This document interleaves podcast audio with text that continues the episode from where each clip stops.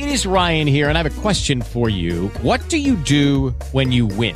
Like, are you a fist pumper? A woohooer, a hand clapper, a high fiver. I kind of like the high five, but if you want to hone in on those winning moves, check out Chumba Casino. At chumbacasino.com, choose from hundreds of social casino style games for your chance to redeem serious cash prizes. There are new game releases weekly, plus free daily bonuses. So don't wait. Start having the most fun ever at chumbacasino.com. No purchase necessary. Group. Void were prohibited by law. See terms and conditions. 18 plus.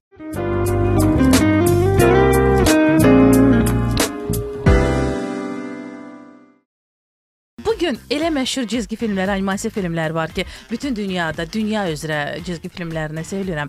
Elçi müəllim, çox böyük e, marağa və bu gün uşaqlar tərəfindən çox sevilir. E, rekord dərəcədə, nə bilim, reytinqləri alt-üst edir E, və bunun səbəbi nədir? Bax, Məsələn, Maşa və Ayı olsun. Digər cizgi filmlər var ki, onlar doğrudan da bu gün kifayət qədər böyük populyarlıq qazanıblar bizim ölkəmizdə. E, mən sizə deyim, e, açığı Maşa və Ayı mənim xoşuma gəlmir. Onun üçün ki, orada e, nanəcib və naxələf e, səhnələr var. Uşağın tərbiyəsində çox e, pis təsir eləyir. Uşaqlar da çalışır ki. Maşa kimi olsunlar. Hə, orada o həmişə hə- həmişə eləncə idi də. Ümumiyyətlə animasiya filmləri indi cizgi gənə siz cizgi deyirsiniz, cizgi Aha. anlayışı düz deyil. Bəli, animasiya filmləri. Animasiya filmləri, Aha. hə. E, məsələ ondadır ki, hələ Walt Disney-dən gələn Bəli. və Walt Disney böyük bir dahi bir insan idi. Allah onu qəni-qəni rəhmət eləsin. Aha. E, bəşər uşaqlar üçün Disney elədiyini heç bir insan eləməyib. Disney animasiya filmlərini yaratdı. Disney sonra 40-cı illərdə öz operatorlarını gö göndərirdi. Bütün dünyada hansısa heyvanlardan, təbiətdən filmlər çəkirdilər. Yəni Disney bədii filmlər başladı çəkmək və Disney axırda Disneyland yaratdı. Görün e, bəşər uşaqları üçün nə qədər Disney nə qədər töhfələr verdi. E, Biz çox- həmin e, e, animasiya filmləri ilə böyümüşük Böyümüşük, zamanında bəli. baxmışıq. Sevə bəli. sevə. Ba- izləmiş. e, Yaxşı, yaxşı dedim, sevinç. E, Böyümüşük. Məsələ ondadır ki, milli animasiya mən mən nəyin həmişə davasını eləmişəm ki, bizdə gərək milli animasiya gərək inkişaf eləsin. Aha. Ətraf bütün e, ətrafda Rusiyada baxırsan, Gürcüstanda, Ermənistanda, İranda, İran məktəbi, İranda hətta iki animasiya məktəbi var, Təbriz məktəbi var, bir də Ərdəbil məktəbi var. Mən onlarla tanışam o uşaqlarla. animasiyanı. Bizdə animasiya nədir? Nəsə heç nə. Yəni nə qədər bu məsələni Yəni qaldırdın məktəb ki, yaratılmalıdır. Ümumiyyətlə bu deyirsiniz ya animasiya heç nə. Məsələn, a, Maşa Medve- e, Maşa və Ayda Maşanı bəyənmirəm. Ümumiyyətlə bu animasiyanın qanunları var. Sevil, nəyə görə biz gərək Maşa və Medveddən tərbiyə Bəli. al, bizim uşaqlar tərbiyə alsınlar. Nəyə görə xarici Bizim öz fil- cırtdanlarımız xarici filmlərdən cırtdan məsələsi deyil. Xarici animasiya filmlərindən ad nədir tərbiyə alsınlar. Biz gərək öz milli animasiyamızı inkişaf eləyək, mütləqdir o. Bəli. Bizim Təhsil Nazirliyi və Mədəniyyət Nazirliyi bura ciddi yanaşmalıdır. Onun üçün ki, bizim uşaqlarımızın Azərbaycançılıq nöqteyi nəzərdən tərbiyəsi sıfır vəziyyətdədir. Onun üçün ki, onlar nədən? Maşa Medveddən tərbiyə alırlar, sonra o xarici filmlərdən, o naxəlif nanəci filmlərdən onlar tərbiyə alırlar və hansı Azərbaycançılıq olacaq bunlarda? Heç bir Azərbaycançılıq məsələsi olmayacaq. Gərək bizim tariximizdən, folklorumuzdan, mədəniyyətimizdən biz gərək filmlər çəkək. Biz hansı o filmləri biz çəkirdik qabaqları Sovet dövründə. E, 150-dən artıq film çəkdik. Yəni 10 dəqiqəlik filmlərdən söhbət gedir. Biz o vaxtları 68-dən bu yana biz 150-dən artıq bəlkə 200-ə qədər film mən sayını e, sayını itirmişəm mən. Bəli. E, Film çəkmişik. O filmləri göstərmə təbliğ eləmək lazımdır. Televiziyalar geri göstərsinlər. Və siz özünüz o zamanlar hansı animasiya filmlərini izləyirdiniz? Ən bəyəndiyiniz hansılar? Mən özüm e, Disney filmlərini əlbəttə ki, bir də ki, e, Sayız multfilmin, e, Sayız multfilm belə bir studiya var idi Moskvada. Sayız multfilmin də filmləri var idi. Onlar e, rus e, nağıllarından sonra e, adında Sovet İttifaqının müəyyən hansısa respublikaların o nağıllardan da e, söhbət gedir. Bəs bir çox animasiya filmləri var. Bax siz də vurğuladınız ki, biz niyə görə onlardan nəsə öyrənək, yəni özümüz bunu edə bilərik, əgər şərait təbii ki, olarsa. Bəs uşaqlarda bu animasiya filmlərinə marağı necə yaratmaq olar? Necə yaratmaq? Nə, necə? Filmləri çəkmək lazımdır ki, marağı olsun. İndiki yəni, bax- uşaqların onsuz da o hərəkətə, yəni uşaq həmişə oynamaq istəyir və animasiya filmi elə bir oyun təklif e, oyun təklifi olunur. Elə ki animasiya. Disney onu yaradanda elə ki bir oyun kimi təklif eləmişdi. Ondan sonra hə, ondan sonra filmlər çəkdi, nə nə- elədi.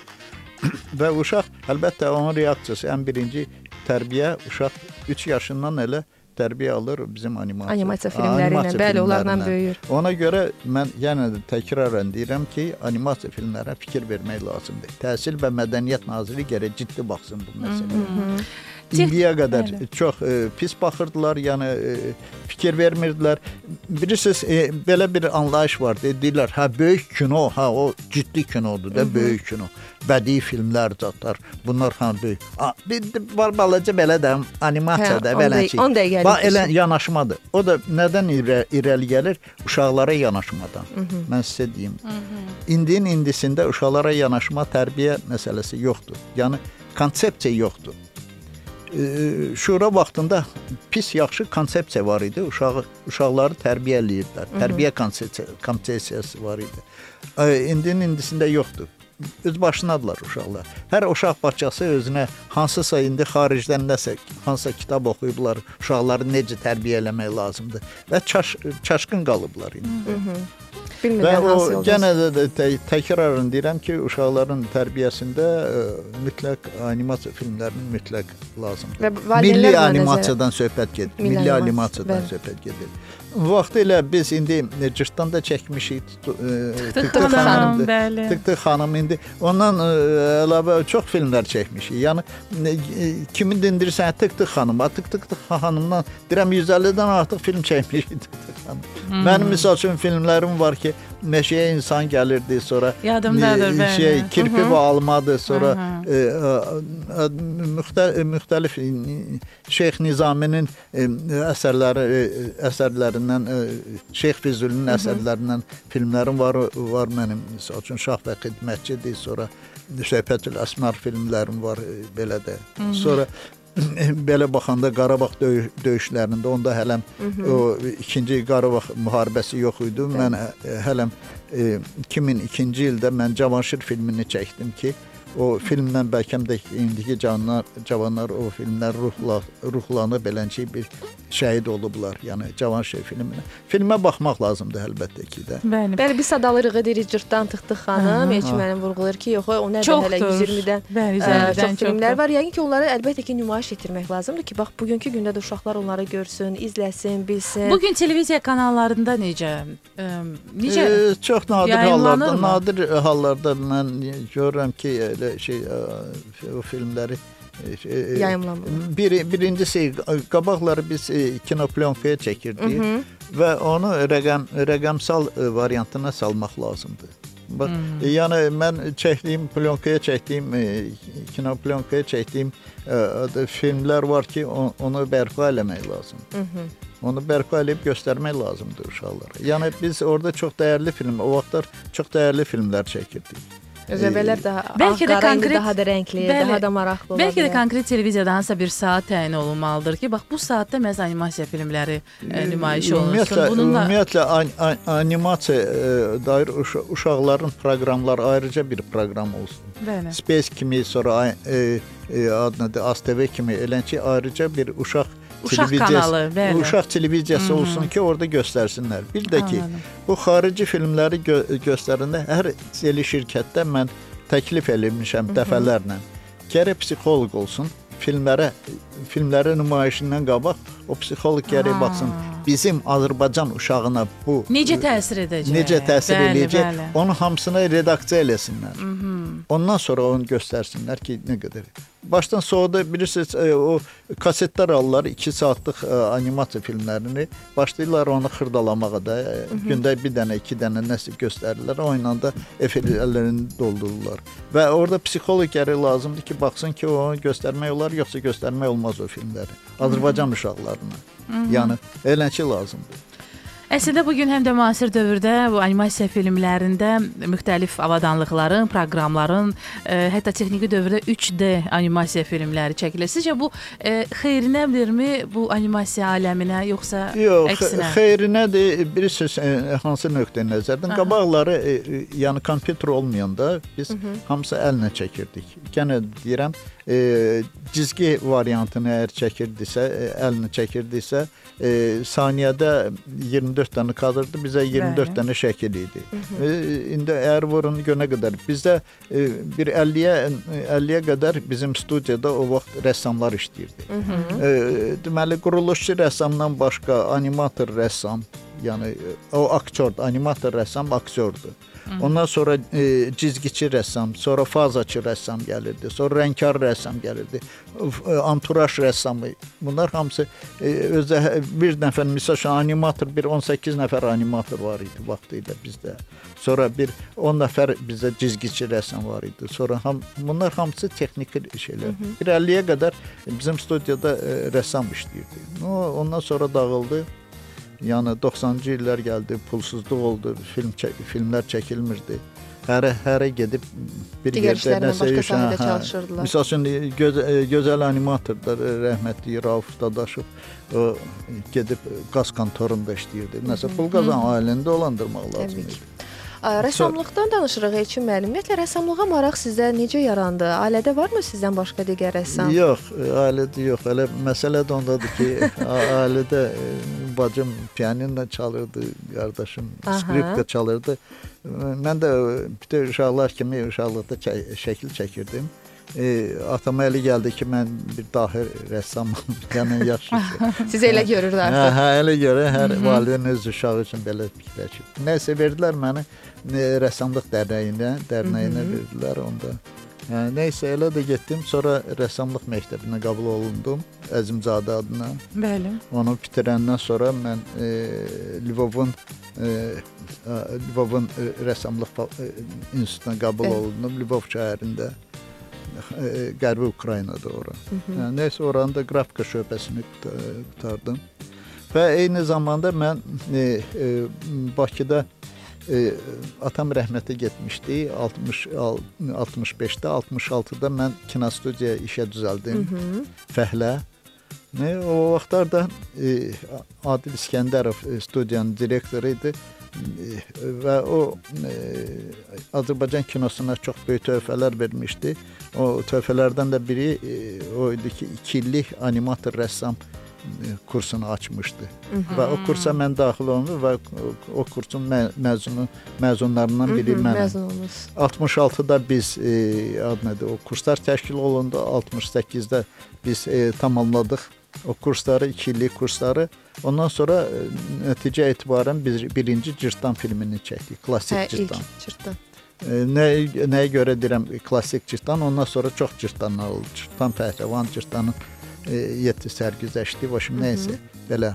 Ha, Ancaq birinci film biz onda onun oyla da biz başladıq artıq Azərbaycanda animasiya filmləri e, təkrarən e, yarandı. Yəni təkrarən nöşün e, sevinç demişdi ki, 33-cü ildə birinci Bəli, animasiya bəli. çək, çəkilmişdi.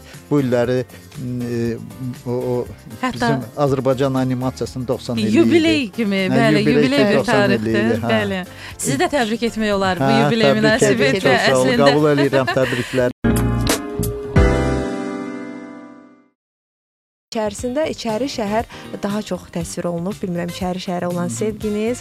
Siz bayaq da vurğuladınız ki, akvarellə belə ə, ə, cızma qaralar edirdim və inanıram ki, o cızma qaraların içərisində mütləq şəkildə içəri şəhərdə təsvir olunub. Hə, təs ə, təsvir hə, o uşaqlıqda ki, mən ki o dərnəyə gedirdim, həvəsli idim və içəri şəhərin küçələrini indi bacardığım qədər o vaxt ə, çox səlis ə, ç- çəkə bilmirdim, ancaq bacardığımı eləyirdim. Nəysə. Ondan sonra e, rəssamlıq məktəbi Əzimzadə adlı rəssamlıq məktəbində də çox həvəsli oldum o vaxtlar. Həvəsim o demək olar ki, orada yarandı. Nəysə, ondan Hələ də sonra- davam edir Elçi müəllim. İndi də olur məsələn bir axşamlar yəqin ki, ə, yuxudan ayılırsınız və ya da yuxuya getmək istəmirsiniz. Bu gün fikirləşirsiniz ki, yox, nəsə istəyirəm nəsə yaradım, yeni bir şeylər edim. Necə olur sizdə? yaradıcılıq, Yaradıcı insan üçün təbii ki, bu yaradıcı normal haldır. İnsan üçün həmişə e, misal üçün hansısa filmə başlayanda mən mütləq mən gecə də yuxuda da görürəm. Çox çox şeylər o de təsvirləri mən yuxuda görmüşəm. Oradan yaradı- Doğrudan, aha. Bəzən də o vaxtlar Nizami metrosunda minirdim işə getməyə. Orada gözləyəndə orada e, e, şey o diva, divarda şeydən e, adını cürbəcür belə ki fiqurlar elə bil e, əmələ gəlirdi və onların arasında mən obraz axtarıb tapırdım. Aha, Hə, siz belə- özünüz sanki onu axtarıb Hə, tapırdınız, hə? axtarıb obrazları o şey. Hansı obrazlar Ancaq o obrazları e, yaradanda o çox nigaran idim. Mən istədiyim obrazı yaratmaq lazımdır. Yəni mən Aha. necə fikirləşirəm. Onun üçün ki filmdən filmə fərqi var idi. Məsəl üçün mən e, Ən mükəmməl m- məsələn. qabaqları quruluşçu rəssam kimi e, fəaliyyət göstərirdim və hər rejissor məsəl üçün neçə dənə, biri 3 dənə dovşan yaratmışam. Hər rejissor e, istəyib öz dovşanını tamamilə fərqli olsun. Fərqli-fərqli dovşanlar yaratmışam. Olub Bəli. beləncə, beləncə. Yəni hər rejissorun e, tələbatı var. O o necə necə filmi görür və onun o, onun ə, əsas mahiyyətini necə hiss eləyir, onu onu digər rəssam e, təsvir eləsin, quruluşçu rəssam təsvir el- eləsin. Ona görə yavaş-yavaş rə, e, quruluşçu rəssam kimi işlədim. Sonra belə oldu ki, mənə təklif elədilər rejissorluğu. E, Birinci filmim oldu elə İçərişəhər bar barədə oldu. Bakı küləyi Bakı kimi. filmi idi. Hə, düzdür, biraz e, onun intriqa üstündə biraz film alınmadı. Yaxşı mən istədiyim kimi, ancaq o filmi çəkdim. Mən birinci filmi çəkdim. Sonra rejissorluqdan incidim. Bir 5 il çəkmədim. Ondan sonra yenə başladım film Yaxşı ki, çəkməyə. yenidən sonra inciyəndən Hə, sonra həvəs oyandı. Yəni, yəni, hə, sonra yenə rejissor. Birisi e, rejissoru gərək hiss eləyəsən özün. Bəli. Onun üçün ki, birinci dəfə mənə təklif eləndə mən dedim ki, axı mən özüm rejissor hiss eləmirəm. Mən rəssamlıq da gedir. Deyir, yox, səndə alınacaq, səndə nəysə. Cəmil Əliyev rəhmətli var idi, Allah rəhmət eləsin onu. Nə studiyanın direktoru. Nəysə. Belə elə mən gəldim, sonra müəllif filmləri çəkdim. Mən bir neçə müəllif filmlərim var. Yəni həm ssenarin müəllifi, həm e, rəssamı, həm rejissoru özüməm. Yəni İndiki rejissorlardan necə razısınız? Nələr sizi qane etmir? E, indiki demək olar ki, rejissor qalmayıb. Rejissor qalmayıb. Bir rejissor var, o, o da Şirinova. Mənim tələbəm olub vaxtilə. İndi Azan Azan filmdə nəsə fəaliyyət göstərir. Ancaq e, pulu yoxdur deyə indi filmlər çəkilmir. demək olar. Elçi müəllim, mən bildiyimə görə Azərbaycanın qədim memarlıq abidələrindən film çəkmək arzunuz var. Hə, əlbəttə ki, mən çox istəyərdim ümumiyyətlə də. Ən çox ən sevdiyiniz məsələn memarlıq abidəsi. No, əlbəttə ki, o, o Xunzar qalasıdır. Əlbəttə, yəni e, qız ona qız qalası deyirlər də. Bəli. Xunzar qalasıdır. Əlbəttə ki, onun tarixindən onun film çəkmək. Düzdür, mənim həmkar dostum Mə- Məsud Pənahi indi Almaniyada yaşayır o. Vaxtilə Qız qalası film, filmi çək, çək, Aha. çəkmişdi. E, Qız qalası əfsanəsini, e, əfsanələrdən birini çəkmişdi. E, Mən e, çox istəyərdim Xunzar. Xunzar qalası axı o e, qədim zərdüştlükdən gəlməkdir. O və bizim eranın orada düzdür yazılıb. Orada kitabə var 18 14 metrlikdə bir kitabı var ki, bu e, on- on- güya 12-ci əsrdə tikilib. O elə düz, düz deyil. Bu bizim eradan əvvəl tikilən e, memarlıq abidəsidir, Qız qalası. E, ondan başqa belə baxanda bizim elə İçəri şəhərin özündə nə qədər memarlıq, memarlıq abidələri, abidələri. var. Alban kilsəsi var idi onun. E, o vaxt Elçi bəy vaxtında e, elə bildilər ki, Erməni kilsəsidir, sökdülər. Nəysə. Sonra e, o, o, orada e, nə qədər məscidlər var. Bir dənə İçəri bir 18 nə məscid var. Məscid var. Bəli, çox belə. Onun ki, məhəllələrdən bir 18-dən çox məhəllə var idi İçəri şəhərdə. Təklif tövsiyələrinizi verirsinizmi? Məsələn, hər hansısa bir qurumlarla, yəni bu sahədə çalışanlarla öz təkliflərinizi irəli sürürsünüzmü? Təklifləri həmişə mən ə, Mədəniyyət Nazirliyinə mən ə, vermişəm təklifləri, ancaq indiyə qədər qəbul eləməyiblər də. Aa, hələ qədər. ki- mən çox ümid eləyirəm ki, indi təzə gələn Mədəniyyət naziri fikir verəcək animasiya. Yəni yenə İnşallah, deyirəm, inşallah. animasiya belə ə, xırda bir şey kimi baxırlar da. O ona görə bax ə, Amma əslində xırda görünsə də çox çətin, Yox, uzun çətin məsələsi deyil. keçən Çətin qoy olsun, ancaq qədər. onu yaratmaq lazımdır. Yenə də deyirəm, bizim milli animasiyamız gərək olsun. Biz gərək öz uşaqlarımızı milli ı- Milli ruhda böyüdək, ruhda onları bilsinlər, tanısınlar. mütləq lazımdır. O mütləqdir. Ermənistanda Ermənistanda əməlli başlı böyük studiya var. Onun da e, yaradıcısı e, Robert Çakan idi, Bakı ermənisi idi o vaxtlar. İndi o rəhmətə gedib onun e, oğlu ilə qızı orada Ermənistan böyük tam metrajlı filmlər çəkir. Hollywooddan. Amma sizin də filmlər. tələbələriniz var, Elçin müəllim, hansılar ki, bir çox ki. ölkələrdə yaşayırlar. Elədir. Onlar Azərbaycanı təmsil edirlər.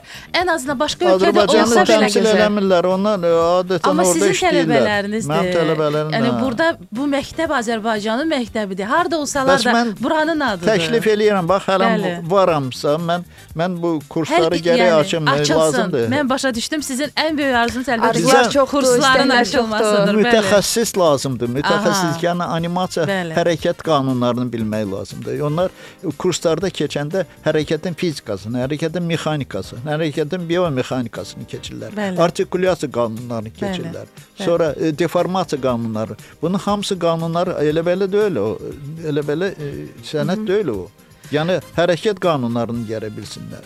Deyir, e, ümumiyyətlə həyat arzularla boldur və mən e, ümid edirəm ki, həmin o sizin arzuladığınız məktəbi, e, yəni açılmasını elə siz orada da həmin o mütəxəssis, ən böyük mütəxəssis bu gün bu sahədə sizsiniz Elçin müəllim. Yəni də mən deyirəm ki, Beləcək tezliklə bu reallaşacaq. mən varam, varam indi, indiyə varam. Yaxşı varam, mənada bəli, istifadə etsinlər. Şey, istifadə yəni istifadə edin də mən. Bəli. Təşəkkür edirik. Çox sağ olun Elçin müəllim. buyurun, buyurun. Çox sağ olun. Çox sağ olun ki, bu gün gəldiniz, bizimlə fikirlərinizi bölüşdünüz.